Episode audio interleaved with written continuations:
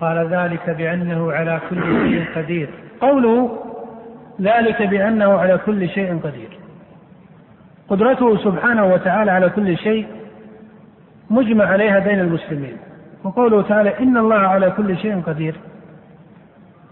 هذا الحرف أو هذه الجمل من القرآن اتفق المسلمون عليها.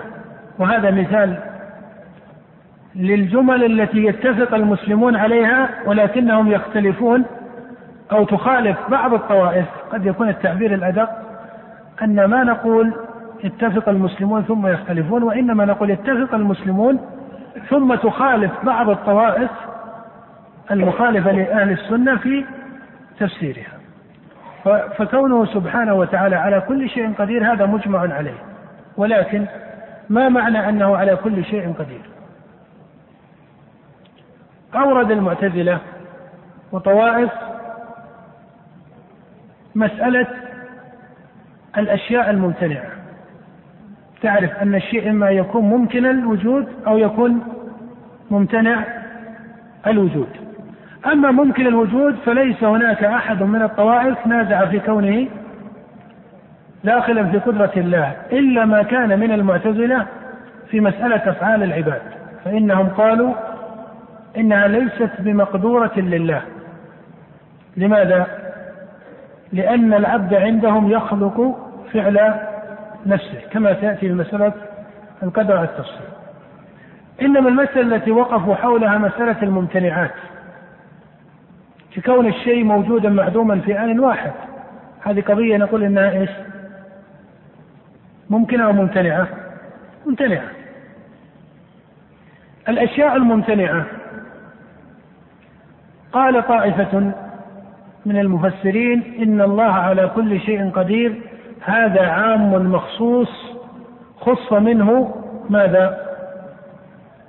خص منه ماذا؟ الممتنع لذاته فلا يدخل تحت القدرة فسموا السياق أو جعلوا السياق عاما إيش؟ مخصوصا وقال طائفة هذا سياق عام أريد به الخصوص.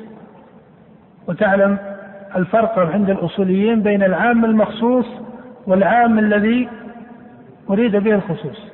فقالت الطائفة الثانية هذا عام إيش؟ أريد به الخصوص. فلا يدخل فيه الممتنع لذاته. ما هو الخصوص الذي أريد به؟ ها؟ الممكن. أريد به الخصوص أي أريد به الممكن فقط. أما الممتنع لذاته فلا يدخل.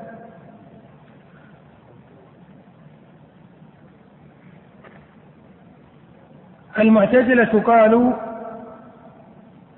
إنها إن الممتنع لذاته شيء ولكنه لا يدخل تحت القدرة. قال شيخ الإسلام ابن تيمية رحمه الله والصواب الذي عليه أهل السنة أن الله على كل شيء قدير وأن هذا العموم عموم محفوظ لم يدخله تخصيص ولا أريد به إيش؟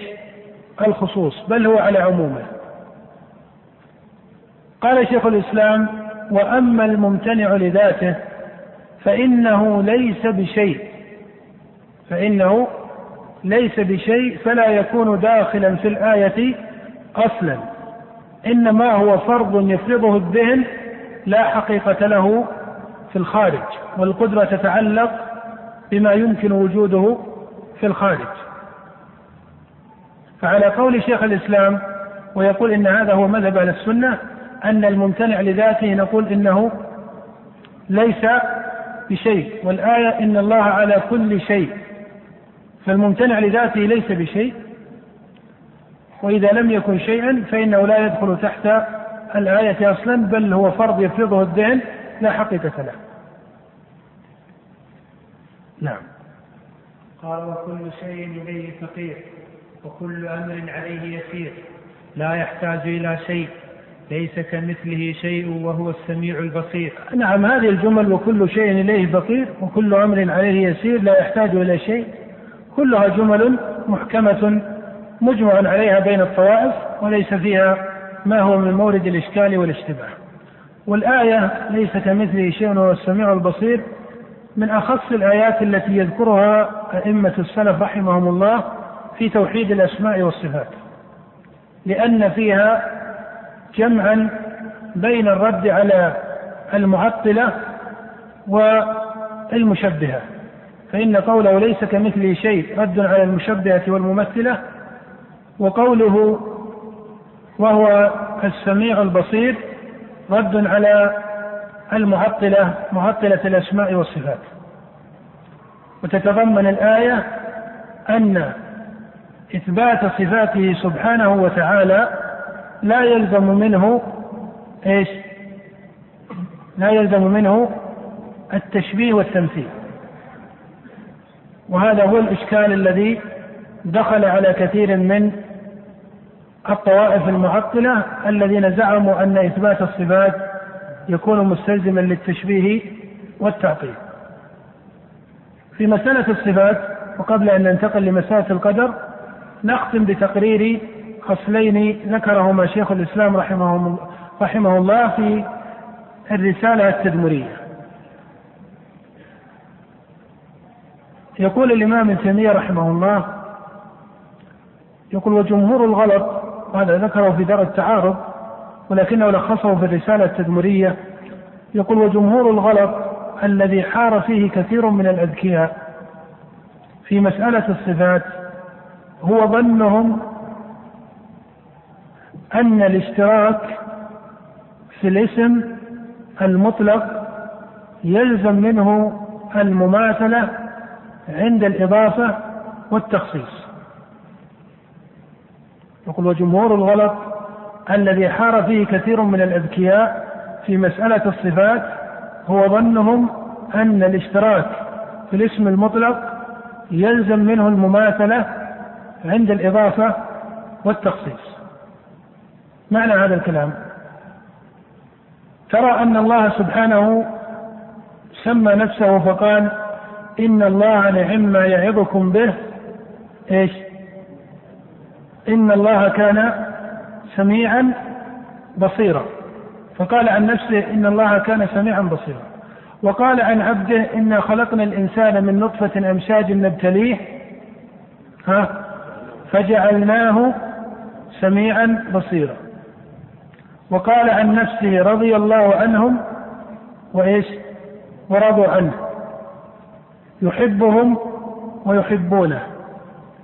هو الله الذي لا إله إلا هو الملك. فسمى نفسه الملك. وقال عن عبده وقال الملك. وسمى نفسه العزيز. وقال عن عبده وقالت امرأة العزيز. إلى غير ذلك. ويمكرون ويمكر الله. قال شيخ الإسلام هو ظنهم أن الاشتراك في الاسم المطلق. ما هو الاسم المطلق؟ ملك. أو رضا أو محبة. محبة هذا اسم مطلق. أنت لم تقل رضا زيد أو محبة زيد أن تقول محبة أو المحبة. لفظ مطلق أي لم يضف ولم يخصص أو يقيد. إذا الذي حصل ما هو؟ اشتراك في اسم إيش؟ مطلق، ما معنى أنه مطلق؟ غير مقيد، غير مخصص، غير مضاف. تقول ملك. أو رحمة أو رضا أو محبة لكن إذا أضيف فقيل رضا الله صارت الصفة متعلقة بمن؟ بموصوفها وإذا قلت رضا زيد صارت الصفة متعلقة بموصوفها فيصير الرضا اللائق بالله يمتنع أن يكون هو الرضا اللائق بزيد لما؟ لأن بين الموصوفين تباينا أليس كذلك؟ فلما كان الموصوف مباينا للموصوف الآخر لزم أن تكون الصفة في الموصوف الأول مباينة للصفة في الموصوف الثاني وإن كان اسمها إيش؟ مشتركا وإن كان اسمها مشتركا هذه الحقيقة العلمية هي التي أشكلت على الطوائف كما يقرر الإمام ابن تيمية رحمه الله. ولهذا في تقريره لها قال ويتبين هذا الأصل بأصلين شريفين ومثلين مضروبين. الأصل الأول أن القول في الصفات كالقول في الذات. فكل من قال في صفات الله قولا فهو كالقول في ذاته. بل إن لفظ الذات لم يستعمل في الكتاب ولا في السنة. وأصل الذات هو في أسماء الإشارة. وتعلم أن أسماء الإشارة الأصل فيها أنها تستعمل مضافة أو مقطوعة عن الإضافة. مضافة فتقول ذا علم وذا سمع وذا بصر. واضح؟ فلفظ الذات هو في الأصل لفظ حادث ولكنه استعمل في كلام طائفة من أهل العلم على مقصد صحيح. فالقول في صفات الله كالقول في ذاته وإن شئت فقل فرع عن القول في الذات. وهذا رد على المعتزلة والجهمية. الأصل الثاني القول في بعض الصفات كالقول في البعض الآخر. فمن زعم في صفة الإرادة أنها أو في صفة المحبة والغضب أنها يلزم منها التشبيه فما جوابه عن صفة العلم وما جوابه عن صفة السمع وهلم جرا فهذان الأصلان الشريفان. قال ومثلان مضروبان. المثل الأول نعيم الجنة. قال إن الله أخبرنا أن في الجنة خمرا وماء وعسلا والدنيا فيها فيها خمر وماء وعسل. فالاسم إيش؟ الاسم واحد وفيه اشتراك. وهل الحقائق واحدة؟ لا. الحقائق بينها اختلاف. فإذا كان الاشتراك في الاسم الواحد بين المخلوقات لا يلزم منه تماثلها فبين الخالق والمخلوق من باب أولى. قال والروح. وهي المثل الثاني وصفت بصفات. وهل حركتها وصفاتها كصفات الجسد؟ الجواب لا مع أنها تشترك مع الجسد في اسم الصفة. فلما تباينت في الماهية والحقيقة فكذلك الخالق والمخلوق من باب أولى. هذا هو محصل الأصلين والمثلين اللذين ذكرهما الإمام تيمية في رسالته المشهورة بالرسالة التدمرية. وهي جواب إلى أو لأهل تدمر قال المؤلف عليه رحمة الله ذلك بأنه على كل شيء قدير وكل شيء إليه فقير وكل أمر عليه يسير لا يحتاج إلى شيء ليس كمثله شيء وهو السميع البصير. خلق الخلق بعلمه وقدر لهم أقدارا وضرب لهم آجالا ولم يخف عليه شيء قبل أن يخلقهم وعلم ما هم عاملون قبل أن يخلقهم وأمرهم بطاعته ونهاهم عن معصيته وكل شيء يجري بتقديره ومشيئته ومشيئته تنفذ لا مشيئة للعباد إلا ما شاء لهم فما شاء لهم كان وما لم يشأ لم يكن يهدي من يشاء ويعصم ويعافي فضلا. ويضل من يشاء ويخذل ويبتلي عدلا وكلهم يتقلبون في مشيئته بين فضله وعدله وهو متعال عن الأضداد والأنداد لا راد لقضائه ولا معقب لحكمه ولا غالب لأمره آمنا ب آمنا بذلك كله وأيقنا أن كلا من عنده. هذه الجمل التي ذكرها الطحاوي رحمه الله كما هو ظاهر من سياقها أنه يشير بها إلى أصول أهل السنة في مسألة القدر.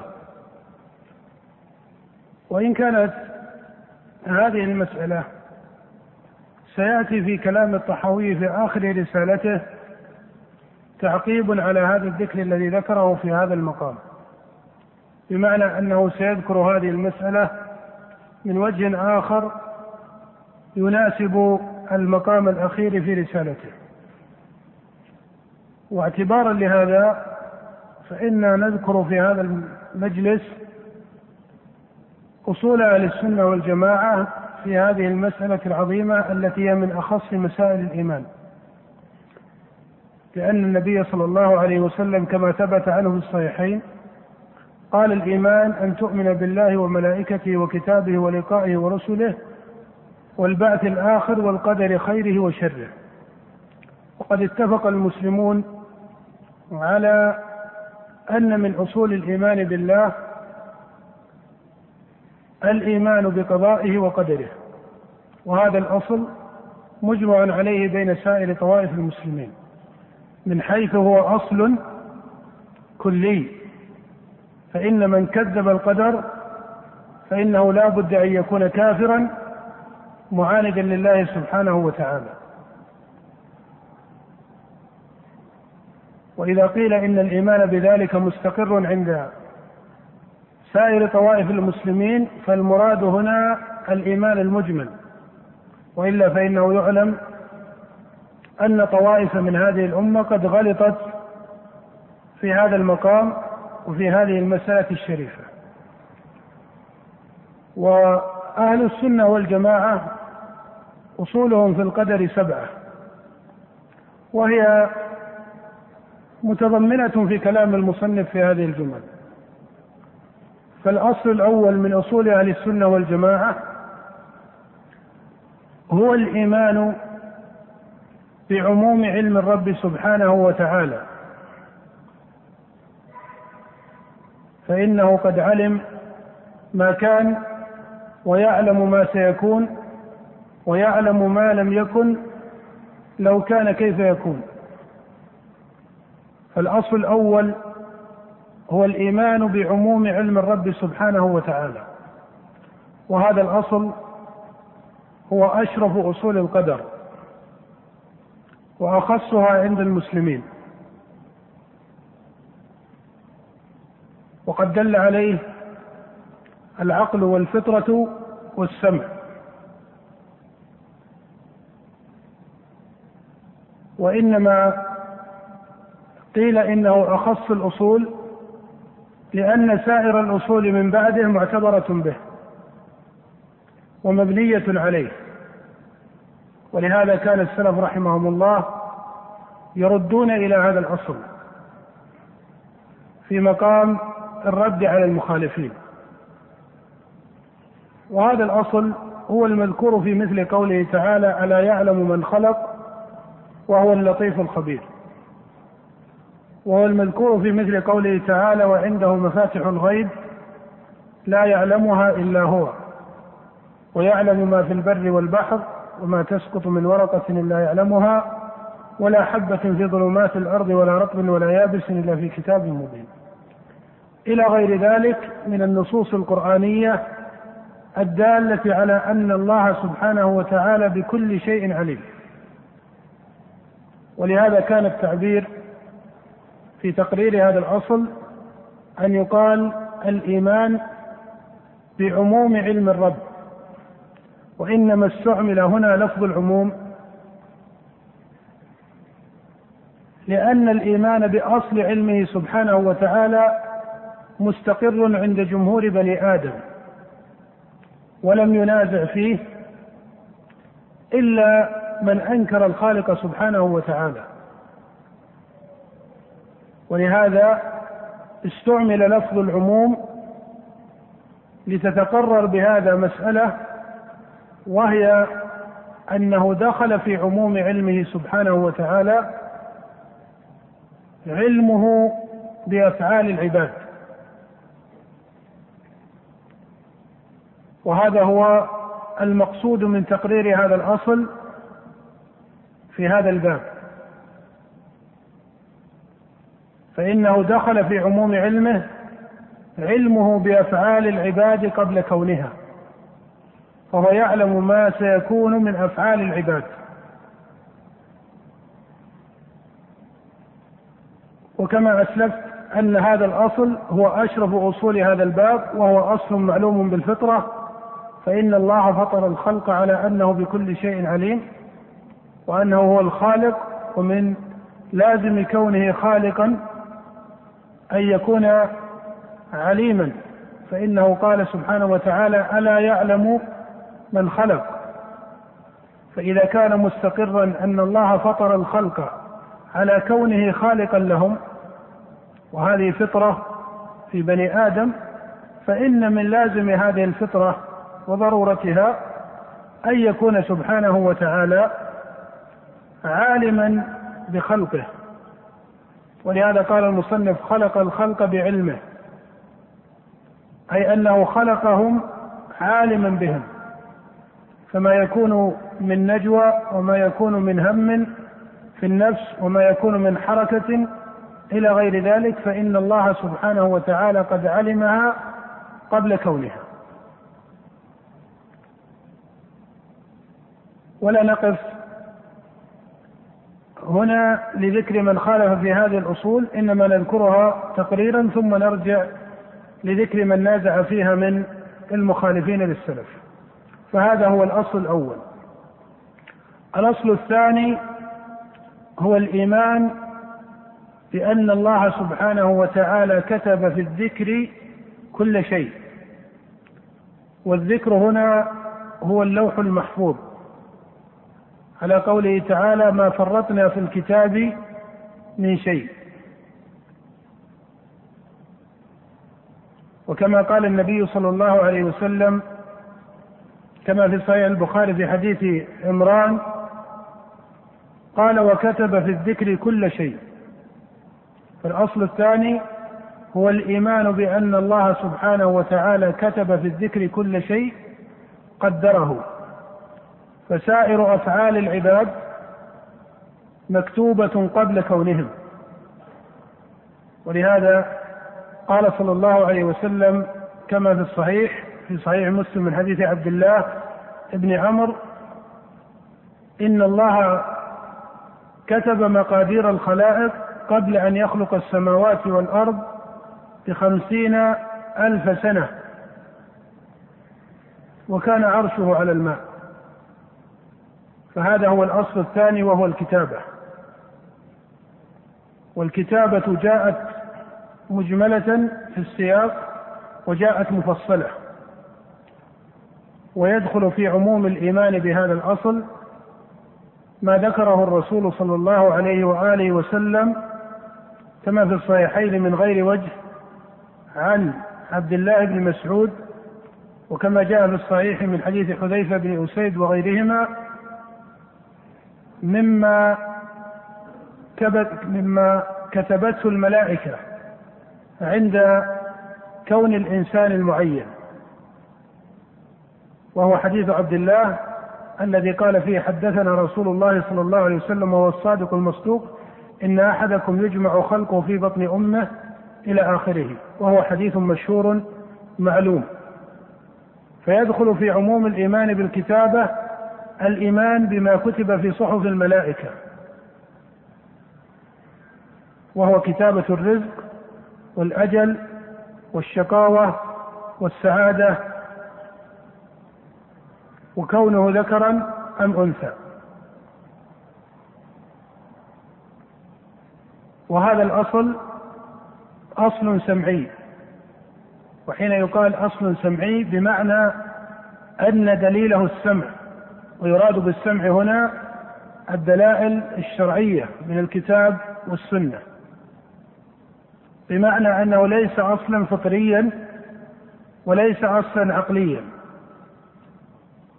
وهنا نقف مع هذه الجملة لأنها كلمة مجملة. حين يقال إنه أصل سمعي بمعنى أنه لولا أن الله أخبرنا في كتابه وأن رسوله صلى الله عليه وسلم حدثنا بهذا الأصل وهو أن الله كتب في الذكر كل شيء لما كان من شرط العقل أو اقتضاء الفطرة إثبات الكتابة بخلاف الأصل الأول وهو أصل العلم فإن الإيمان به سمعي وكذلك فطري وكذلك عقلي.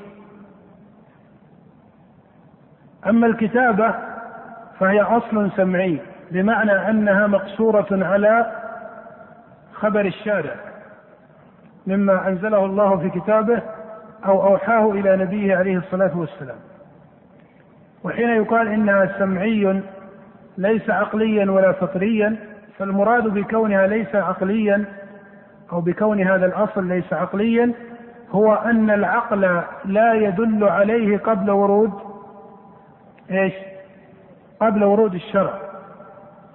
وكذلك الفطرة لا تقتضيه أي لا تستلزمه.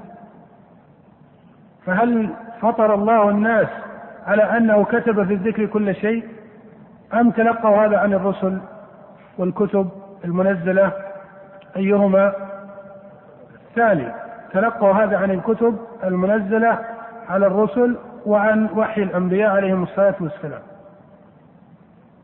وإذا كان كذلك فهذا لا يفهم منه أن العقل أو الفطرة تنازع في هذا الاصل أو تنافيه. فإن عندنا قاعدة وهي أن كل ما أخبر به الله سبحانه وتعالى أو أخبرت به رسله فإنه لا بد أن يكون إيش؟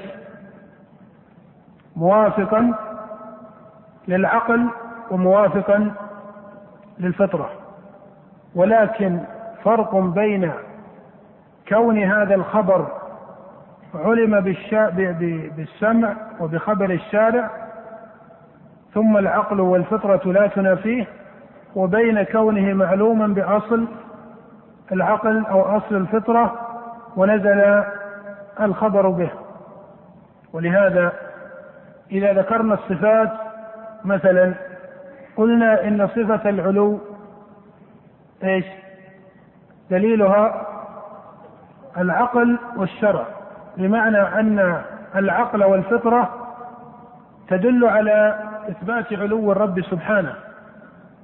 وأما صفة الاستواء على العرش فهي صفة دل عليها الشرع لأن الله أخبرنا أنه استوى على العرش.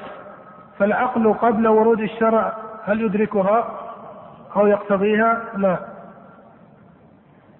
لأنها غيب محض. ولكن كل ما أخبر به الشرع مما جاء في الكتاب أو في السنة الثابتة عن النبي صلى الله عليه وسلم فإن العقل يكون مقتضيا له والفطرة تكون مقتضية له خبرا أي حال كونه خبرا ثابتا. وفرق بين دلالة العقل على الشيء حال كونه خبرا ثابتا وبين دلالة العقل على الشيء قبل ثبوته. وعليه نقول إن هذا الأصل الثاني وهو الكتابة لا يدل عليه العقل ابتداء وإنما يقتضيه العقل بخبر إيش؟ بخبر الشرع أو بخبر النقل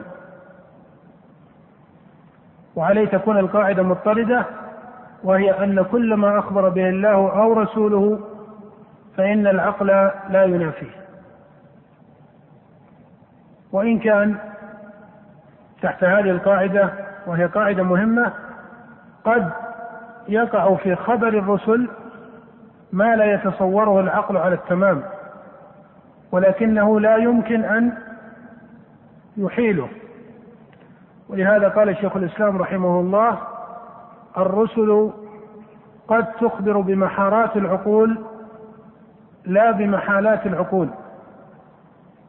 فقوله قد تخبر بمحارات العقول مراده بالمحارات إيش؟ أي ما يتحير العقل في تصوره. لكن لا يمكن أن العقل يحيل شيئا أخبرت به الرسل. فمن أحال عقله شيئا من ذلك دل ذلك على فساد على فساد في عقله وغلط في فهمه وإدراكه. فهذا هو الأصل الثاني.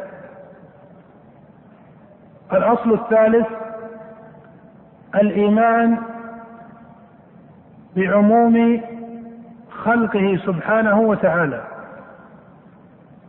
وإنما عبر بلفظ العموم لما سبق. فإن إثبات خلق الله سبحانه وتعالى للخلق مستقر عند سائر طوائف المسلمين ويقر به جماهير بني آدم. إلا من ألحد وأنكر الخالق سبحانه وتعالى. ولهذا كان مشرك العرب يقرون بأن الله هو الخالق.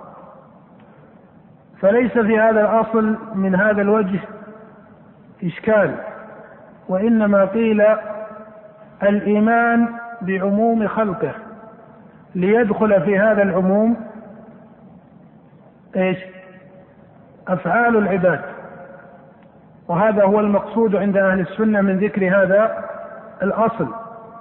وإلا فإن أصل خلقه سبحانه وتعالى مستقر وإنما يقررون هذا الأصل لهذا المقصود. وعن هذا صنف البخاري رحمه الله كتاب خلق أفعال العباد. فهذه مسألة النزاع المشهورة ولهذا كان السلف يقرون أو يقررون الإيمان بعموم الخلق. وترى أن تقرير هذا الأصل على هذا الوجه. أي تقرير الأصل الثالث على جهة العموم هو الأحكم. لماذا؟ لأن من أخص أصول الربوبية التي يقر بها حتى الجماهير من المشركين والكفار هو الإيمان بكونه سبحانه هو الخالق. فينبغي أن يقرر هذا الأصل على جهة العموم بمعنى أن من أخرج أفعال العباد عن هذا الأصل فقد أخرج من هذا الأصل ما هو منه بغير بغير حجة ودليل. أليس من المستقر عند جمهور بني آدم أن الله هو الخالق؟ الجواب بلى. فإذا كان كذلك فمن زعم أن أفعال العباد لا تدخل في هذا العموم فقد جعل شيئا من الخلق خارجا عن خلق الباري سبحانه. فقد جعل شيئا من الخلق أي من المخلوق خارجا عن خلق الباري سبحانه وتعالى. فالمحصل أن الأصل الثالث هو الإيمان بعموم خلقه. سبحانه وتعالى وأنه كما أخبر في كتابه خالق كل شيء ومن المستقر عند سائر العقلاء أن أفعال العباد شيء أليس كذلك؟ فإذا كان كذلك فإنها تدخل في هذا العموم وليس معنى كونه سبحانه وتعالى عند أهل السنة والجماعة خالقا لأفعال العباد أنه هو الفاعل لها. فإن الفاعل للفعل من؟ العبد. ولهذا أخبر الله في كتابه أن العباد هم الصائمون وهم القائمون وهم المصلون وهم الساجدون وهم الراكعون. وأخبر أن منهم المؤمن ومنهم الكافر فأضاف الأفعال من الأفعال العادية أو أفعال العبادات أو المعاصي أضافها إلى من؟ إلى العباد. فالعباد فاعلون حقيقة. ولكن الباري سبحانه هو الخالق للعبد وهو الخالق لفعله. ويأتي زيادة بيان عند ذكر من خالف في هذا الأصل بعد يسير إن شاء الله. فهذا هو الأصل الثالث. الأصل الرابع الإيمان بعموم مشيئته سبحانه وتعالى. فإن كل ما شاء كان. وما لم يشأ لم يكن. وإنما قيل الإيمان بعموم بعموم مشيئته لما تقدم. فإنه لا أحد من المسلمين بل ولا من جماهير الكفار ينازع في كون الباري متصفا بالمشيئة على معنى أن ما شاء كان وما لم يشأ لم يكن. وأما معنى الاتصاف بالصفة الذي هي قيام الصفة بموصوفها فهذا باب آخر تنازع فيه المعتزلة وطوائف. فالمقصود أن إثبات مشيئته من حيث الأصل مستقر حتى عند جماهير الكفار. ولهذا ترى أن طرف ابن العبد وهو جاهلي يذكر هذا المعنى في شعره فيقول ولو شاء ربي كنت قيس بن خالد ولو شاء ربي كنت عمرو بن مرثدي فأصبحت ذا مال كثير وزارني بنون كرام سادة لمسودي بل إن الله ذكر في كتابه عن المشركين في قوله سبحانه سيقول الذين أشركوا إيش؟ لو شاء الله ما أشركنا. وإنما عاب الله عليهم ذلك لأنهم احتجوا بالقدر على إسقاط الشرع الذي هو التوحيد وإلا فإن شركهم بمشيئة الله وإنما عابهم الله سبحانه وذمهم لأنهم جعلوا قدره سبحانه حجة على إسقاط أمره وشرعه وأخص أمره وأعظمه وأقومه التوحيد. فهذا هو الأصل الثالث أو الأصل الرابع.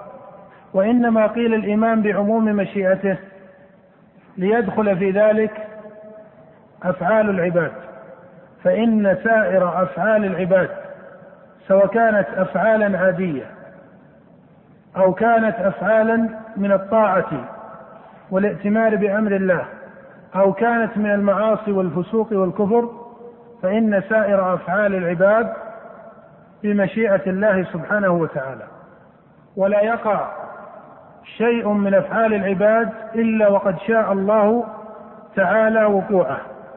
وإن كان سبحانه وتعالى قد يكره ما هو من ذلك ولا يرضى ما هو من ذلك فإنه لا يرضى لعباده الكفر وكذلك سائر المعاصي. الأصل الخامس الإيمان لأن للعباد مشيئة على الحقيقة ولكنها ليست مستقلة بل لا تقع إلا تابعة لمشيئة الله سبحانه وتعالى. على قول الحق سبحانه وما تشاءون إلا أن يشاء الله رب العالمين. فترى أنه سبحانه أثبت للعبد مشيئة ولكنه قيدها بمشيئته وإرادته. وحين يقال أن للعباد مشيئة فهذا مخالفة لقول من يقول بأن العباد ليس لهم مشيئة. وهذا قول غلاة الجبرية كما سيأتي. ويقال إن للعباد مشيئة على الحقيقة فلفظة الحقيقة هنا نقف عندها بعض الوقوف. هي استعملت يعني لفظ الحقيقة استعملت في كلام طائفة من أهل السنة في مسائل من مسائل القدر ومسائل من مسائل الصفات ومسائل من مسائل الإيمان والأسماء والأحكام. مع أنك ترى أن هذه اللفظة ليست لفظة مستعملة في النصوص فإن المعاني لا تقيد بهذا التقييد في نصوص الكتاب والسنة وإنما استعملها من استعملها لأن طائفة من متكلمة الصفاتية المنتسبين إلى أهل السنة والجماعة صاروا يستعملون ألفاظا وجملا من جمل أهل السنة المتقدمين ولكنهم يتعولونها على المجاز عند تفصيلها. فمثلا في هذا المقام نفسه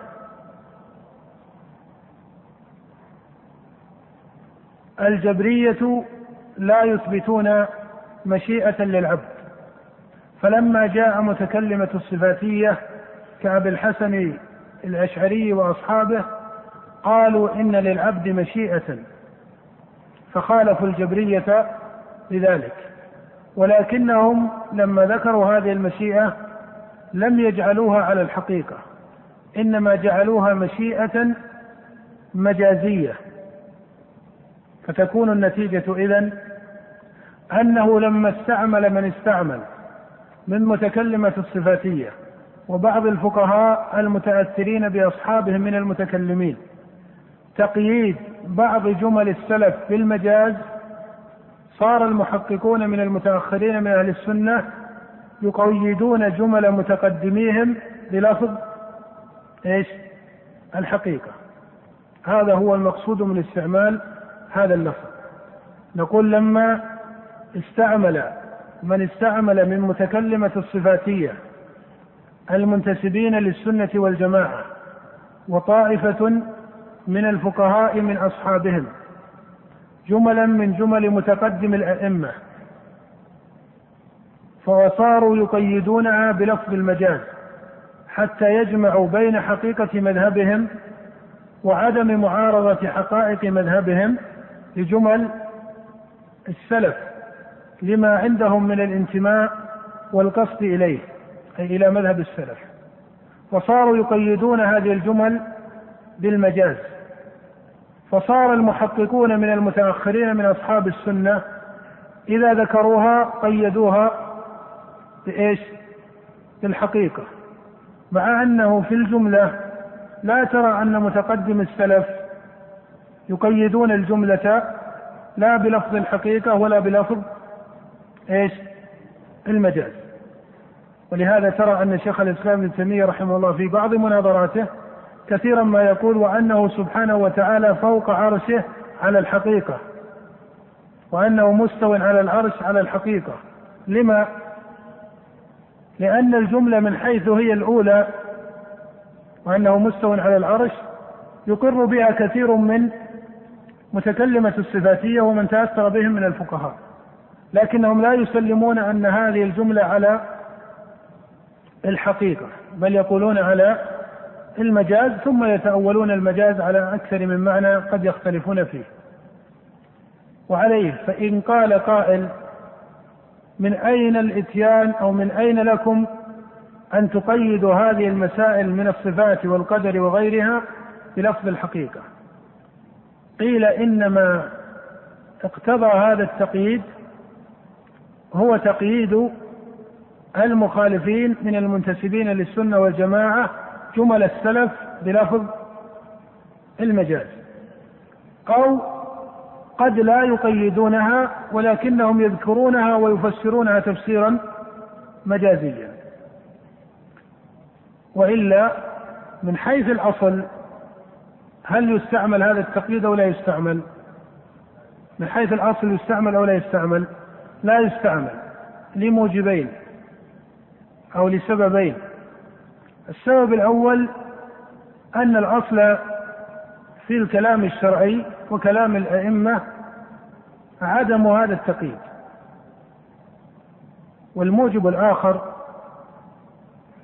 أن استعمال لفظ الحقيقة يكون فيه إقرارا من هذا الوجه بهذا التقسيم وهو تقسيم الحروف والكلمات والسياقات العربية أنها تنقسم إلى حقيقة ومجاز. والمقصود بالحرف هنا ليس الحرف في استعمال النحاة الذي ليس له علامة وإنما المقصود بالحرف هنا الجملة. فتعلم أن كثيرا من الأصوليين وعلماء اللغة ومن يوافقهم من الفقهاء والشراح يرون أن الجمل العربية تنقسم إلى حقيقة وإلى مجاز.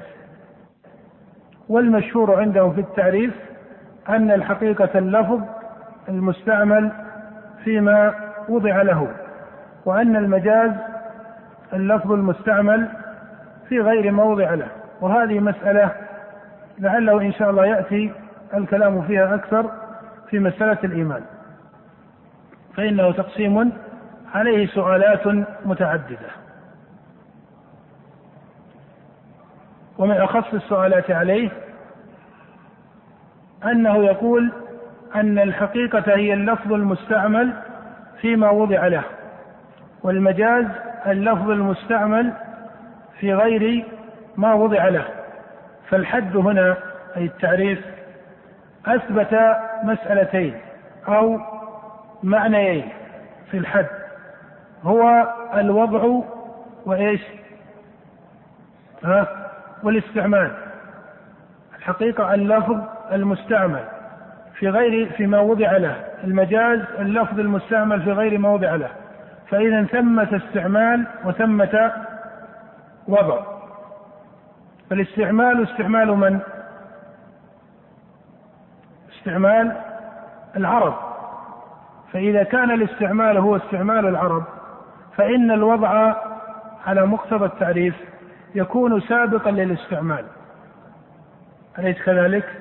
فمن هم الذين وضعوا اللغة قبل العرب؟ أو ما هو أصل وضع اللغة؟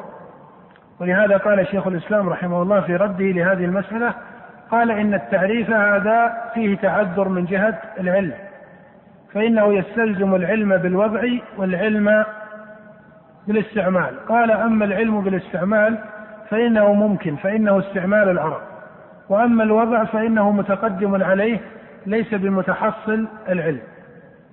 قال وعن هذا تكلم من تكلم من المعتزلة في أصل وضع اللغة ومبدئها. هذه مسألة تأتي في محلها إن أمكن إن شاء الله. على كل حال نقول الأصل الخامس أن للعباد مشيئة على الحقيقة وإنما قيل على الحقيقة لهذا المقتضي وإلا فإن الأصل ترك ذلك.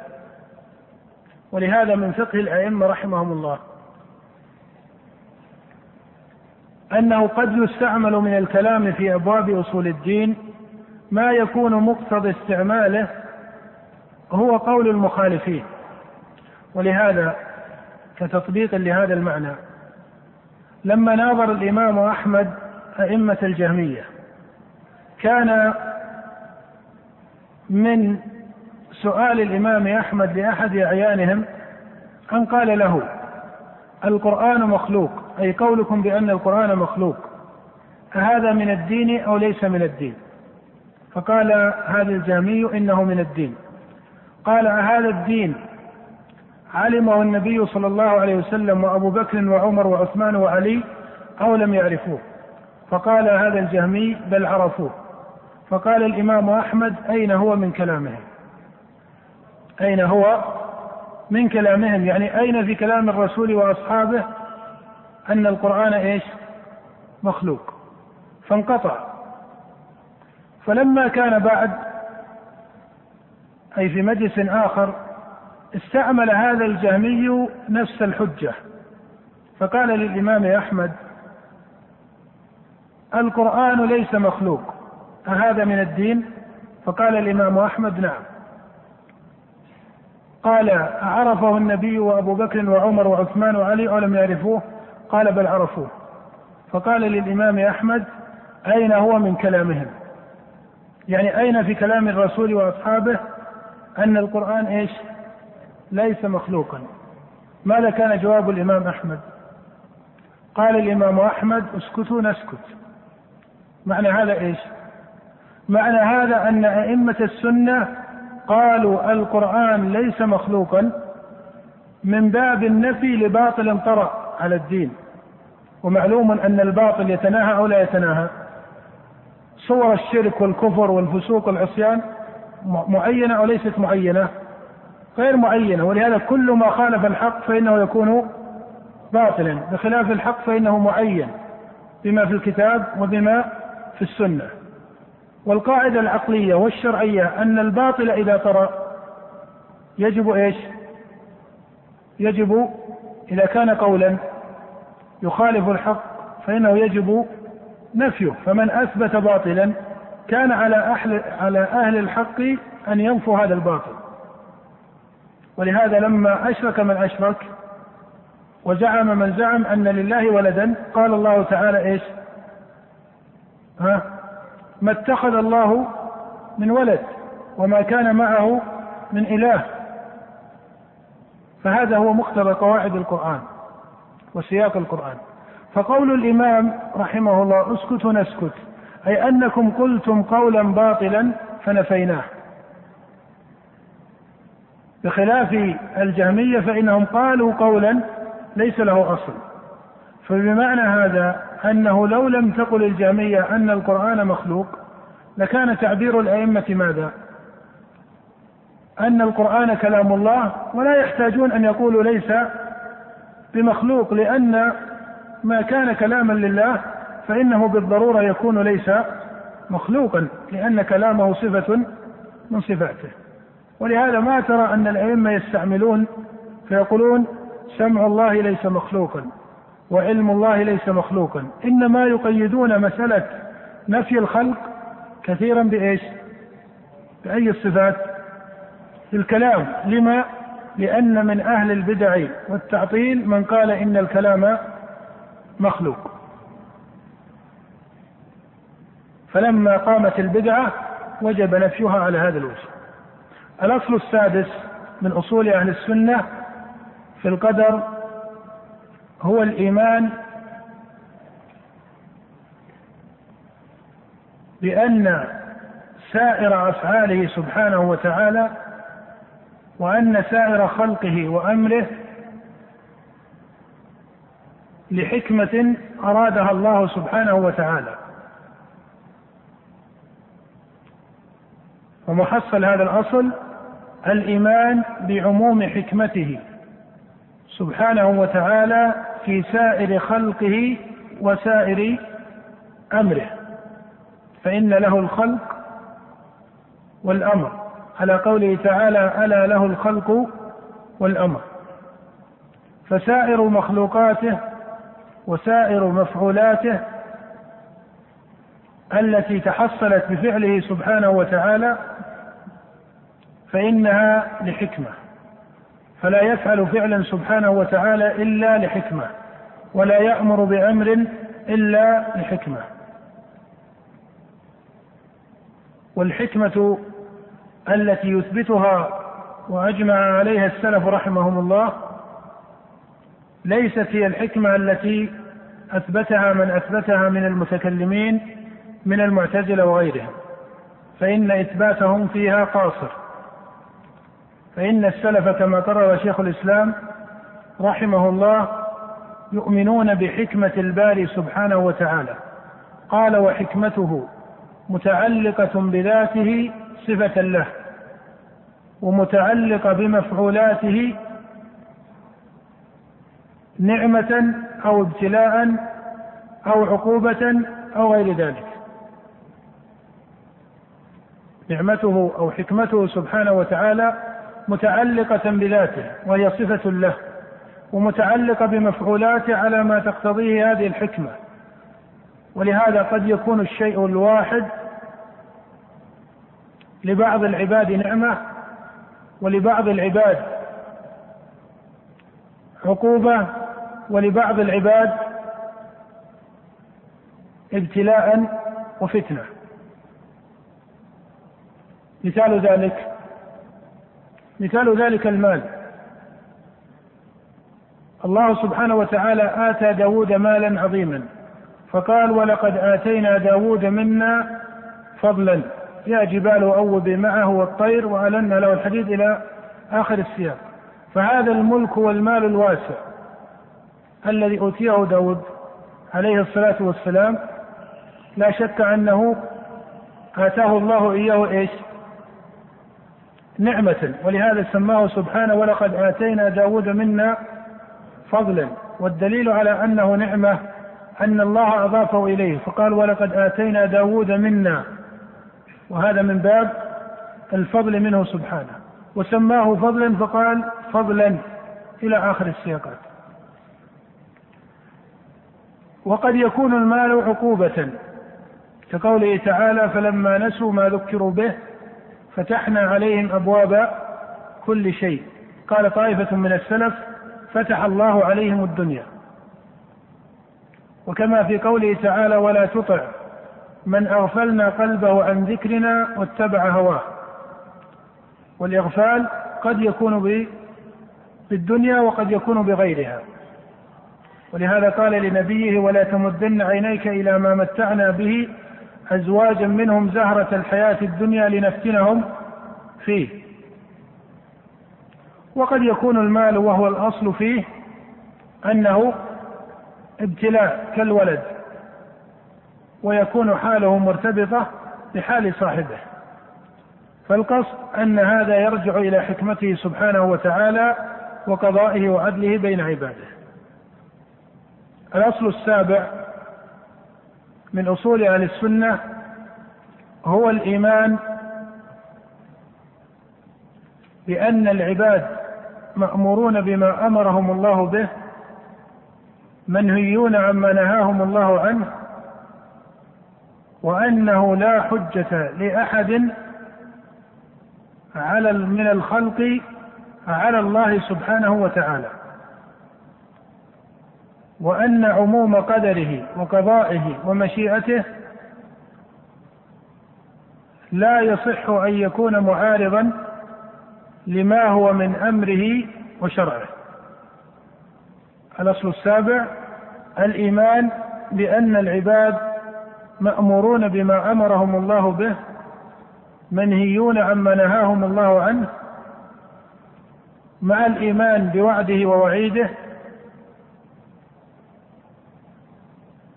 وأنه لا حجة لأحد من الخلق على الله بل لله الحجة البالغة وأن عموم قدره وقضائه ومشيئته وحكمه وإرادته لا يصح أن يكون معارضا لشيء من أمره وشرعه. وإن شئت فقل إن الأصل محصله هو أن السلف يؤمنون بالجمع بين مقام الشرع ومقام إيش؟ ومقام القدر. أن السلف يؤمنون بالجمع بين مقام الشرع ومقام القدر. هذه الأصول السبعة التي عليها مدار معتقد السلف في هذا الأصل العظيم. نأخذ على الإجمال الطوائف التي نازعت في هذه الأصول.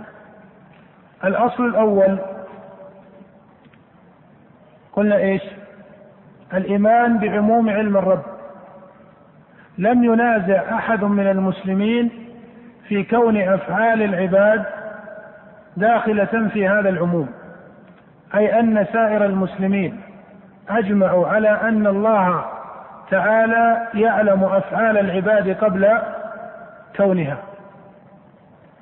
وإنما ظهر قوم من غلاة القدرية يزعمون أن الله سبحانه وتعالى لم يعلم أفعال العباد إلا عند كونها.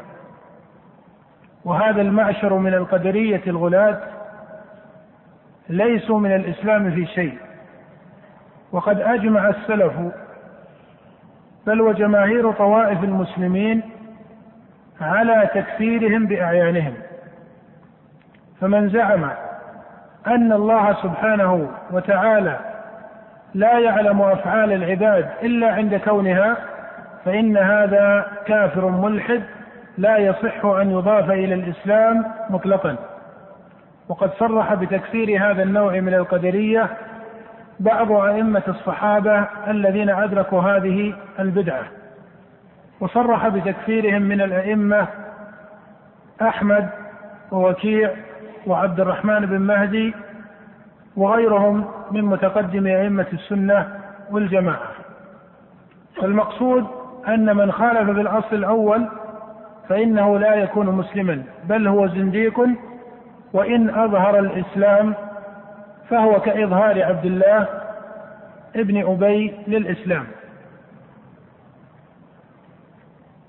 وهذا النوع أجمع السلف على تكفيرهم بل إن المعتزلة وهم قدرية كما هو معلوم قد صرحوا في كتبهم بأن منكر العلم من الكفار ولا يضافون إلى الإسلام.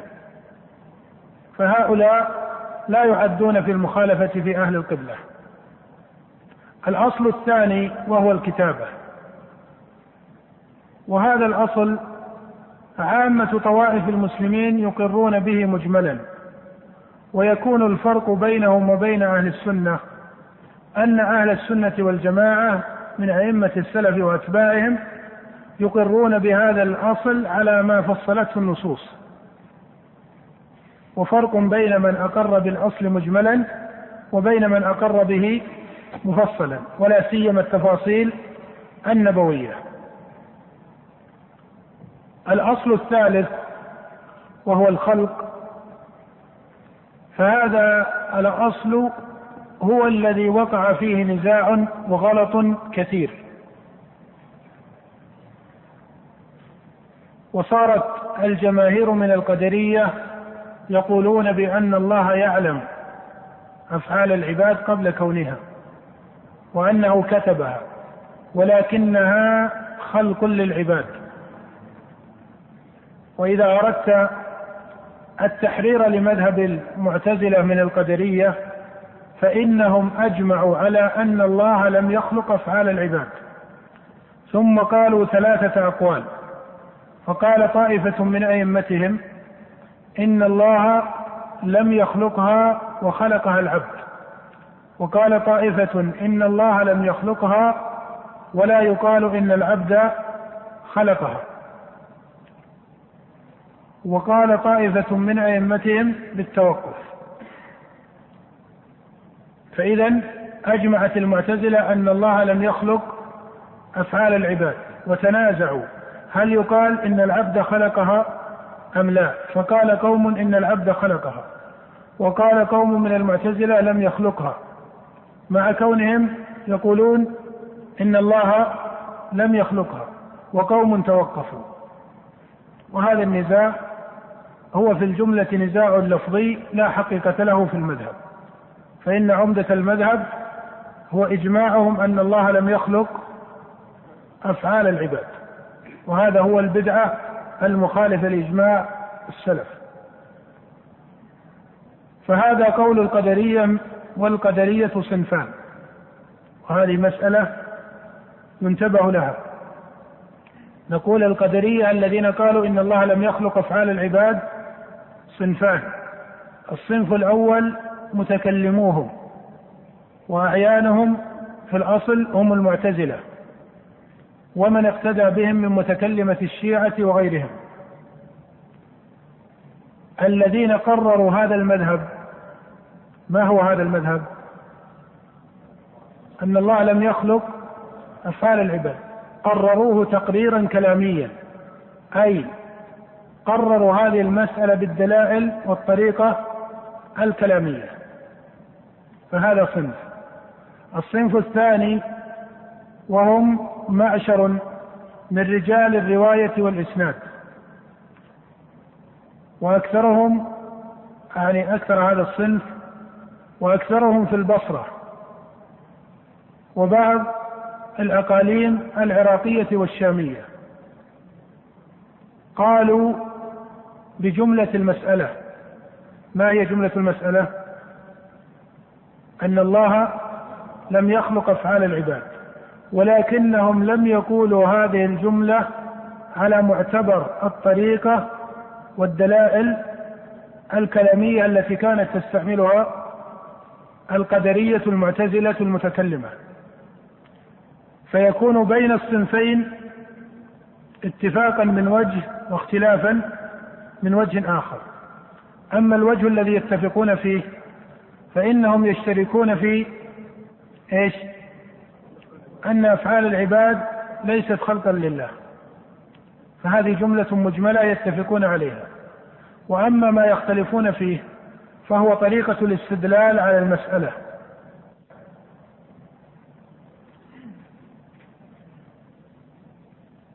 وأيضا فإن المسائل التبع لهذه المسألة كمسائل النعمة ومسائل الهدي والإضلال ومسائل التكليف إلى غير ذلك من المسائل التي طردتها المعتزلة تبعا لأصلهم لا يصح أن تضاف إلى من غلط في أصل المسألة من رجال الرواية والإسناد.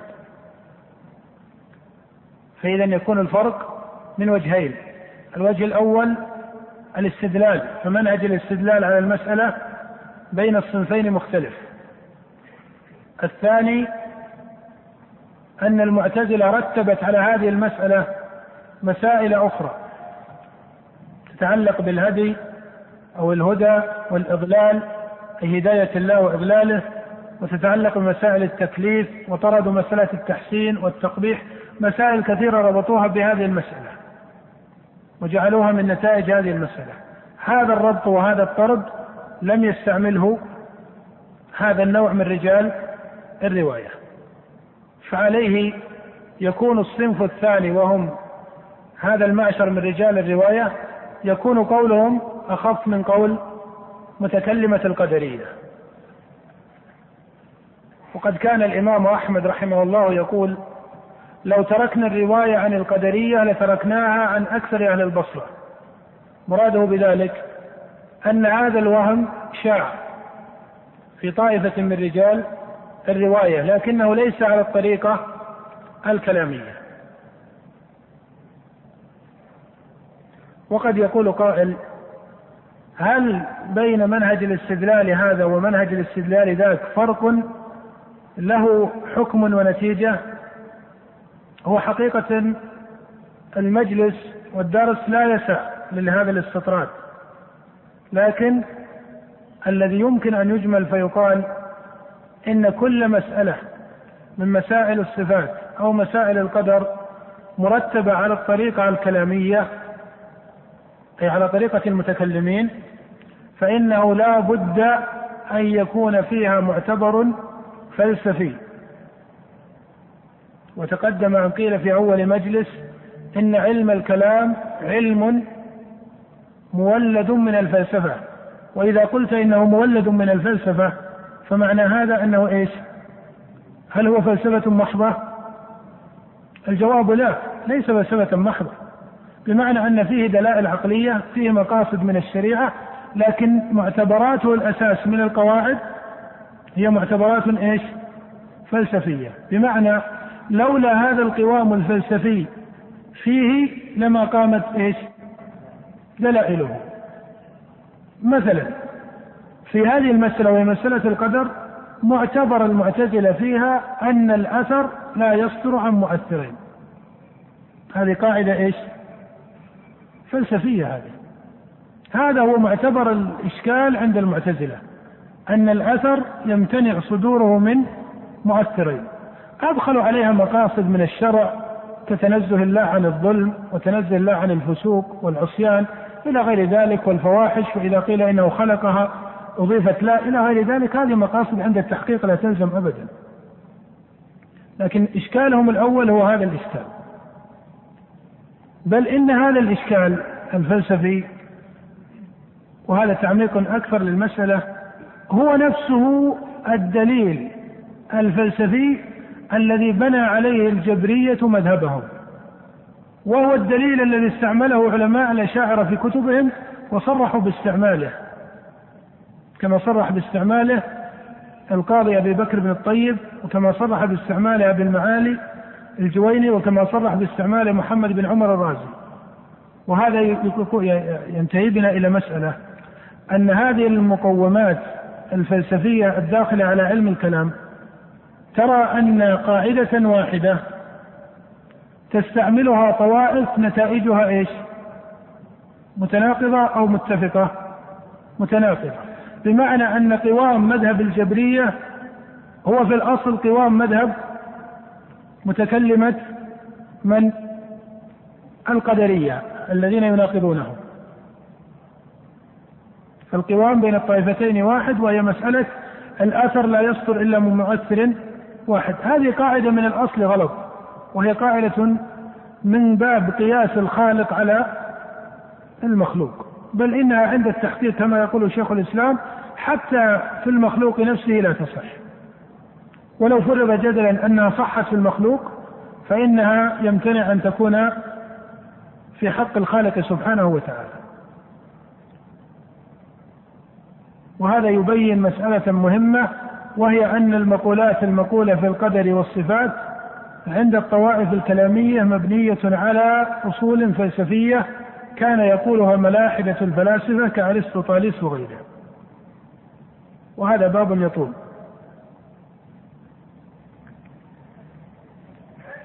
فهذا هو الأصل الرابع أو الثالث. الأصل الرابع وهو المشيئة والمخالف فيه هم المخالفون في الأصل الأول. المخالف فيه هم المخالفون في الأصل عفوا هم المخالفون في الأصل الثالث. فالمعتزلة تقول إن الله لم يشاء أفعال العباد ولم يردها ويجعلون العبد خالقا لفعله مستقلا بمشيئته.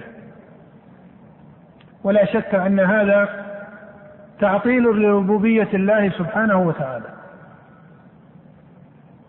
والأصل الخامس وهو أن للعباد مشيئة على الحقيقة خالف فيه الجبرية. وإمام الجبرية هو جهم بن صفوان. الذي يقول إن العبد مجبور على فعله. وقارب مذهب الجبرية مذهب أبي الحسن الأشعري الذي يقول إن للعبد مشيئة مسلوبة التأثير. يقع الفعل مقارنا لها لا بها. ولهذا قال صاحب الجوهر ومن يقل بالطبع أو بالعلة فذاك كفر عند أهل الملة. ينفون السببية وينفون التعليل. وهذا جبر دون جبر الجبرية المحضة.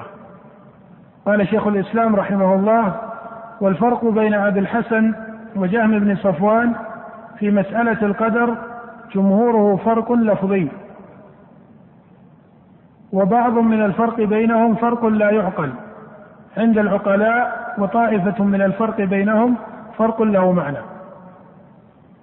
فعدلا يقال إن قول أبي الحسن وعامة أصحابه ليس جبرا محضا كجبر جهم بن صفوان ولكنه ينتهي إلى هذا المذهب في الجملة.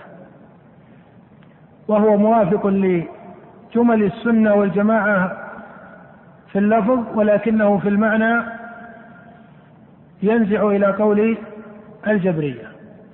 وكما أسلفت أن علماء الأشاعرة قد انغلق عليهم هذا الباب فلا يرون في الباب إلا قول القدرية أو قول الجبرية. فأتوا إلى قول الجبرية لأن إمامهم رفض قول القدرية وكان قدريا معتزليا فرفض الأشعري قول القدرية المعتزلة وأخذ قول الجبر ولكنه استعمل تحته أحرف السلف والشريعة.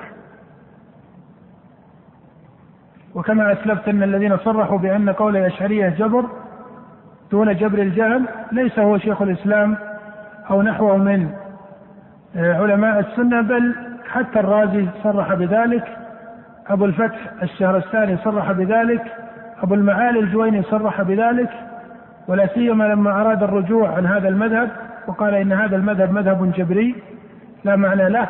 فانتحل أبو المعالي الجويني في الرسالة النظامية مذهبا ملفقا. وأنبه إلى أن بعض الباحثين من المعاصرين قال إن أبا المعالي الجويني رجع في آخر عمره عن هذا المذهب وهو مذهب الكشف الجبري إلى مذهب أهل السنة. ولا شك أن هذا غلط. بل الجويني في الرسالة النظامية قال قولا ملفقا. من قول أهل السنة ومقاصد من مقاصد المعتزلة وجمل من جمل الفلاسفة.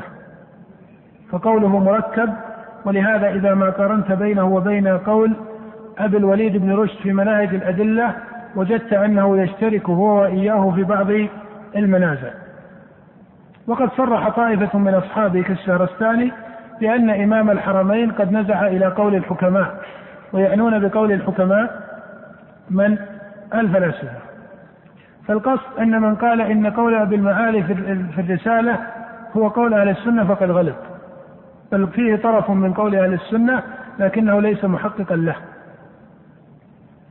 وإن كان هو يزعم أنه رجع إلى ذلك كما في مسألة الصفات فإنه قال إنه يقول بقول السلف ثم فسر مذهب السلف بإيش؟ فسر مذهب السلف في الرسالة النظامية بإيش؟ بالتفويض ولا شك أن مذهب التفويض كما قال شيخ الإسلام رحمه الله من شر مقالات أهل البدع والإلحاد فليس هو مذهبا للسلف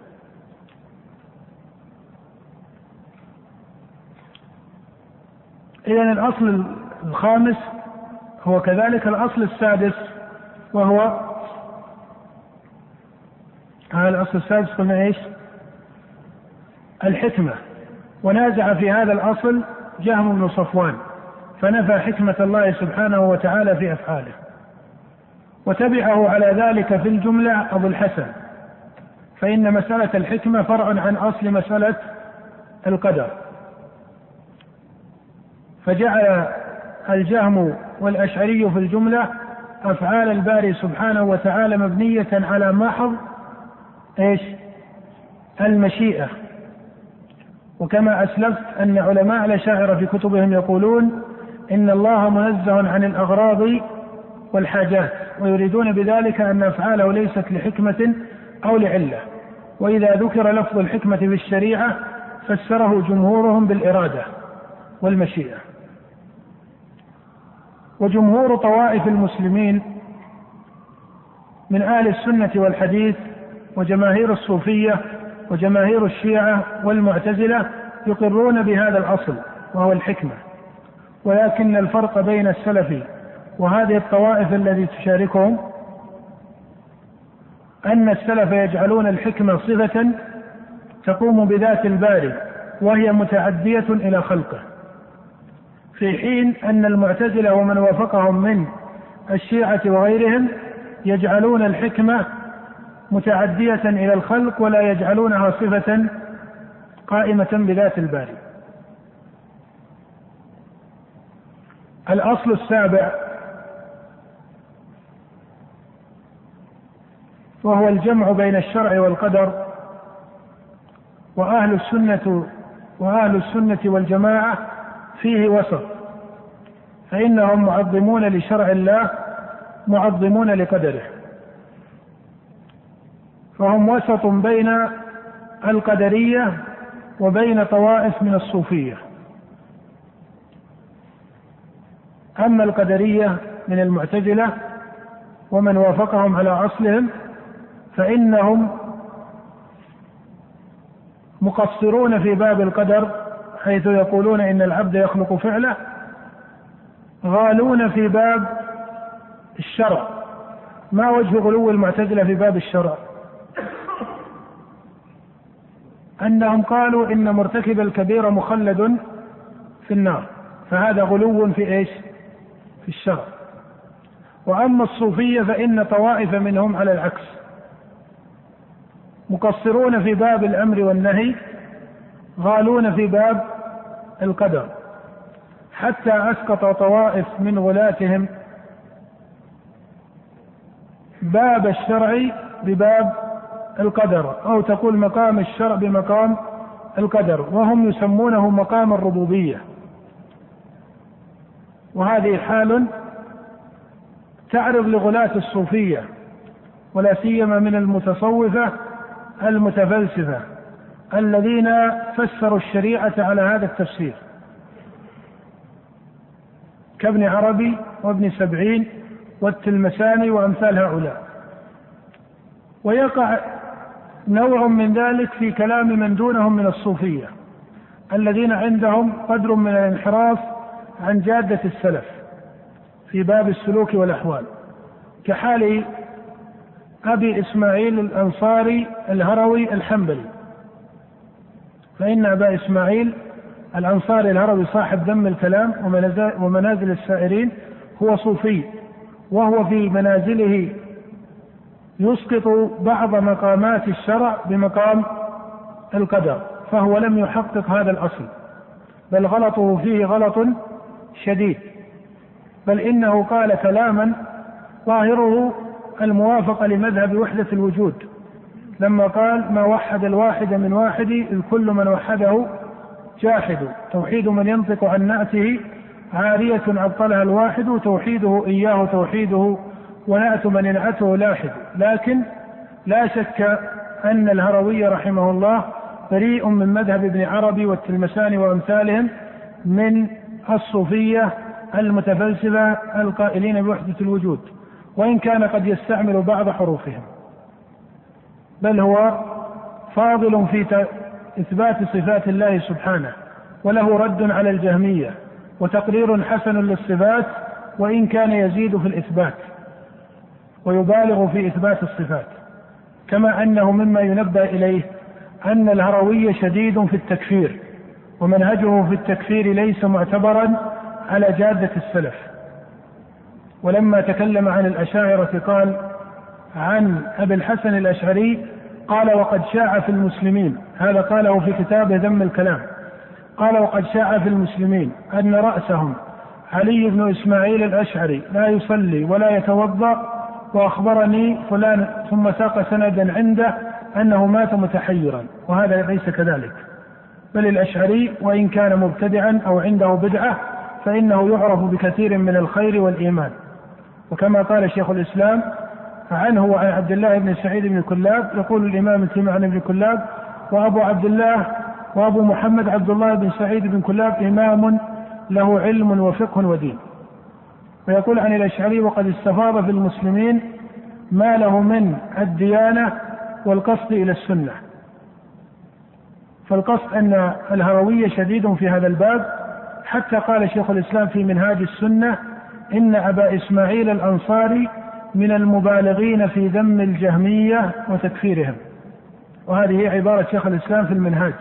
يقول إن أبا إسماعيل الأنصاري الهروي من المبالغين في ذم الجهمية وتكفيرهم. وهو رحمه الله عليه أغلاط شديدة في القدر بل قال شيخ الإسلام إن قول أبي الحسن الأشعري في القدر خير من قول أبي إسماعيل الأنصاري. فمنهجه في التكفير لا يعتبر. وهو من المبالغين في هذه المسألة. فهذه هي الأصول السبعة التي عليها مبنى مذهب السلف رحمهم الله وهي أصول سبعة محكمة وعليه فإن أخص من نازع في مقام الجمع بين الشرع والقدر هم الصوفية الذين أسقطوا مقام الشرع أو بعض مقامات الشرع ليس كذلك مقام الشرع وإنما نقول بعض مقامات الشرع بما هو من القدر.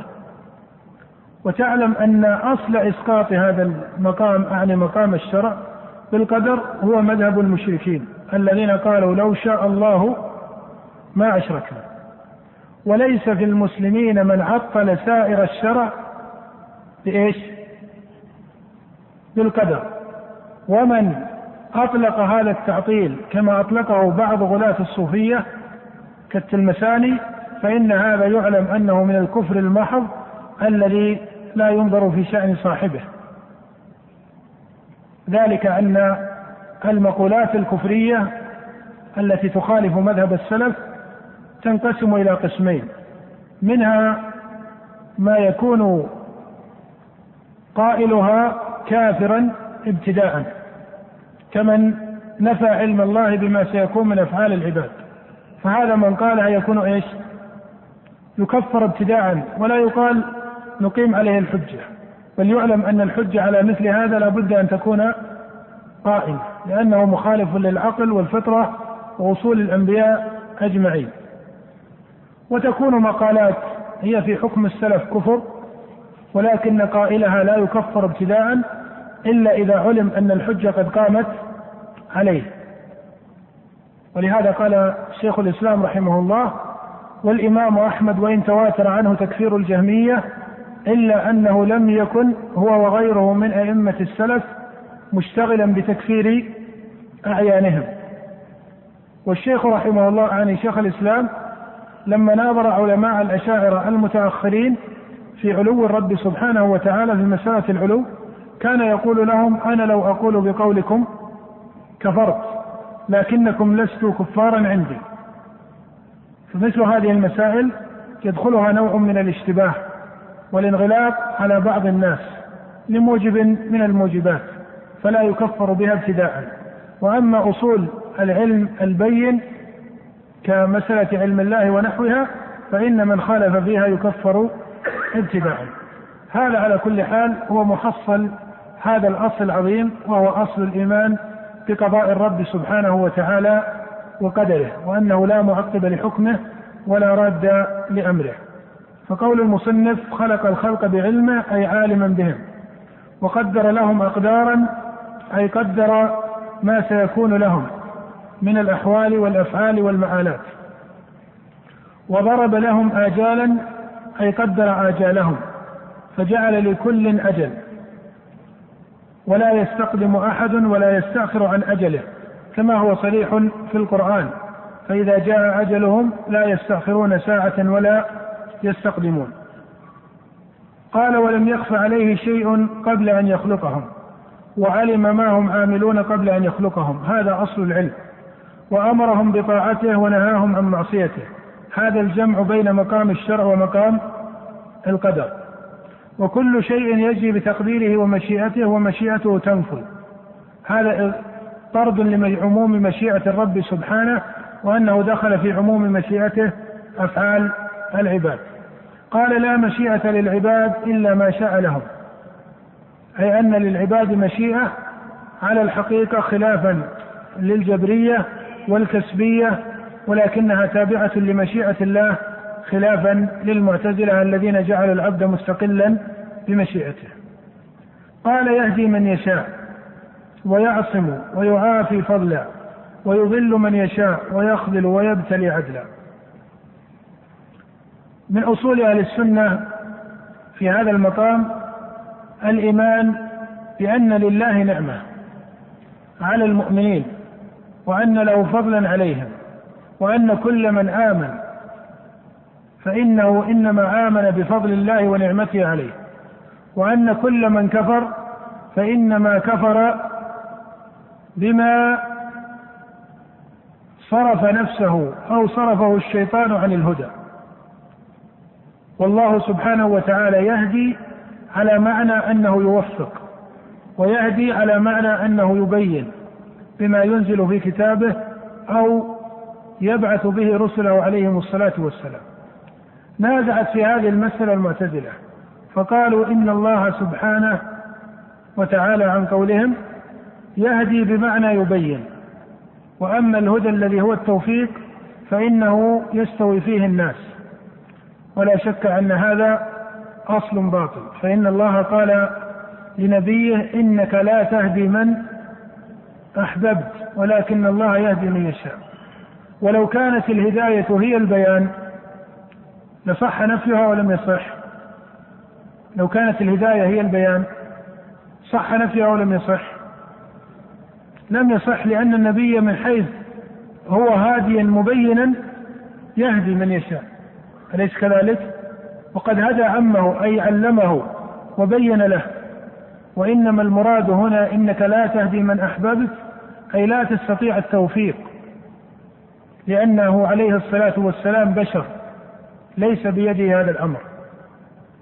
ولهذا قال ولكن الله يهدي من يشاء أي يوفق من يشاء. وتوفيقه سبحانه لعباده المؤمنين للإيمان تابع لعلمه وإيش؟ وحكمته. ولهذا قال سبحانه ولو علم الله فيهم خيرا لأسمعهم. ولو أسمعهم لتولوا وهم معرضون. فلما كان الأنبياء محلا لاصطفائه هذا علم علمه سبحانه وتعالى وحكمة اقتضاها حكمه سبحانه وتعالى وعلمه. فلا حدول لأهل السنة والجماعة عن هذا الأصل. وهو أصل أن الله يهدي من يشاء ويضل من يشاء. ولهذا ترى أنه في القرآن إذا ذكر الله الضلال فلا بد أن يقيده إما بجهة من العبد أو سياق من العدل. ترى أنه سبحانه وتعالى يقول في كتابه يضل من يشاء ويهدي من يشاء. فإذا علقه بمحض المشيئة ذكر معه إيش؟ إذا ذكر الإضلال وعلقه بمحض المشيئة ذكر معه إيش؟ الهداية أو يذكره مقيدا بجهة وسبب من العبد كقوله تعالى ويضل الله إيش؟ الظالمين ويفعل الله ما يشاء فقوله ويضل الله الظالمين سياق الكلمة الظالمين يدل على إيش؟ يدل على السبب وأن الظلم جاء من جهتهم ولهذا فإنه سبحانه وتعالى لا يعذب إلا من قامت عليه الحجة لئلا يكون للناس على الله حجة بعد الرسل وما كنا معذبين حتى نبعث رسولا. ربما أن الوقت لا يكفي لكن نختم بمسألة على اليسير وهي عند قول المصنف وضرب لهم آجالا. فآجال العباد مقدرة. ثبت في الصحيحين من حديث أنس وأبي هريرة قوله صلى الله عليه وسلم من أحب أن يبسط له في رزقه وينسع له في أثره فليصل رحمه. وهذا الحديث أشكل على كثير من المتأخرين. وقال طوائف منهم إن صحف الملائكة يغير فيها فمن وصل رحمه غير في أجله المكتوب في صحف الملائكة الذي ذكر في مثل حديث ابن مسعود المتفق عليه في قوله ويكتب رزقه وأجله قالوا فيغير هذا الأجل ويزاد فيه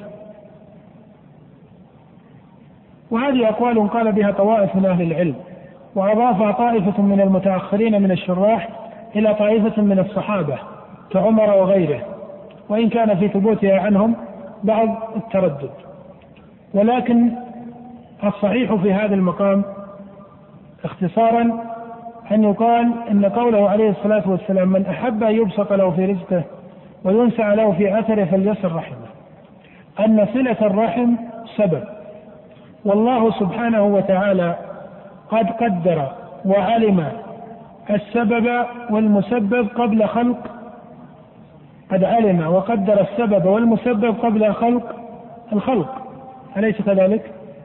فإذا إذا قدر سبحانه وتعالى لهذا أجلا وهو فيما يفرض سبعون سنة فإن هذا الأجل مرتبط في علم الله وحكمته بأسباب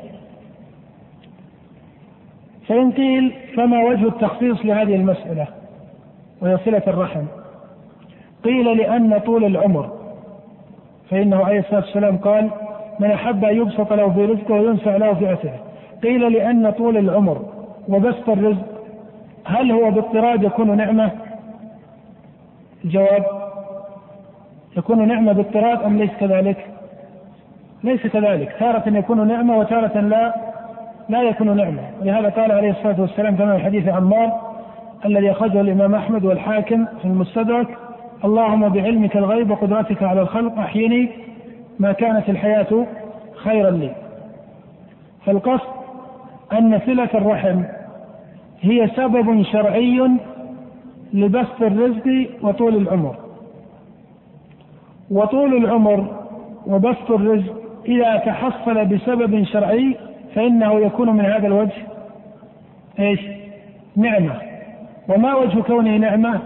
أي أن العبد يوفق في ماله وفي عمره إلى الخير. أن العبد يوفق في ماله وفي عمره إلى الخير. ففرق بين من كان عمره سبعون سنة وكان من موجب هذا العمر وسببه إيش؟ صلة الرحم. ومن كان عمره سبعون سنة أو سبعين سنة ولم يكن هذا من موجب وسبب هذا العمر. فإن هذا السبب الشرعي يقتضي النعمة والخير في بسط الرزق وطول العمر. وأما قول من قال إنه يمحى في صحف الملائكة على قوله تعالى يمحو الله ما يشاء ويثبت فهذا ليس عليه دليل من الشرع. ولم يثبت لا في الكتاب ولا في السنة أن شيئا مما في صحف الملائكة يمحى. وأما ما في الذكر وهو اللوح المحفوظ فبإجماع السلف أنه لا تغيير فيه. ومن زعم من المتأخرين أنه قد يدخله التغيير فهذا غلط بالإجماع. وحتى ما في صحف الملائكة فهو وإن كان دون الأول لكن يقال إنه ليس للدلائل ما يدل عليه. وأما قوله تعالى يمحو الله ما يشاء ويثبت وعنده أم الكتاب فالصحيح في تفسيرها أن هذا في الشرائع وليس في القدر. وسياق الآيات يدل على ذلك. فإن الله سبحانه وتعالى قال وما كان لرسول أن يأتي بآية إلا بإذن الله لكل أجل كتاب يمحو الله ما يشاء ويثبت وعنده أم الكتاب. فهذا في الشرائع فإن الشرائع يدخلها النسخ والمحو كما هو معروف ومجمع عليه. ولكن قول من يقول بأن هذا في صحف الملائكة قول قاله طائفة من أهل العلم ونسب لطائفة من السلف. وإنما الذي يعلم أنه غلط مخالف للإجماع هو من زعم أن هذا في اللوح المحفوظ فإن اللوح المحفوظ لا تغيير فيه. على ما تقتضيه ظواهر النصوص أن الله كتب في الذكر كل شيء. وصلة الرحم هي سبب كما أن الدعاء سبب إلى غير ذلك من الأسباب. وتعلم أن الله قد كتب سائر الأسباب. وقد يكون من هذه الأسباب ما يكون مناسبا لصلة الرحم ما يكون مناسبا لبسط الرزق. أليس الإنسان إذا اشتغل بالتجارة بسط رزقه؟ أو كان هذا سبب من أسباب بسط الرزق؟ مع أن اشتغاله بهذه التجارة يكون مكتوبا أو ليس مكتوبا؟ يكون مكتوبا. فأراد صلى الله عليه وسلم أن ينجب إلى سبب شرعي ليس هو معروفا أو ليس هو معروف المناسبة عند بني آدم فإن مناسبة الضرب في الأرض طلبا للرزق يعرف عند بني آدم أنه مناسب لإيش؟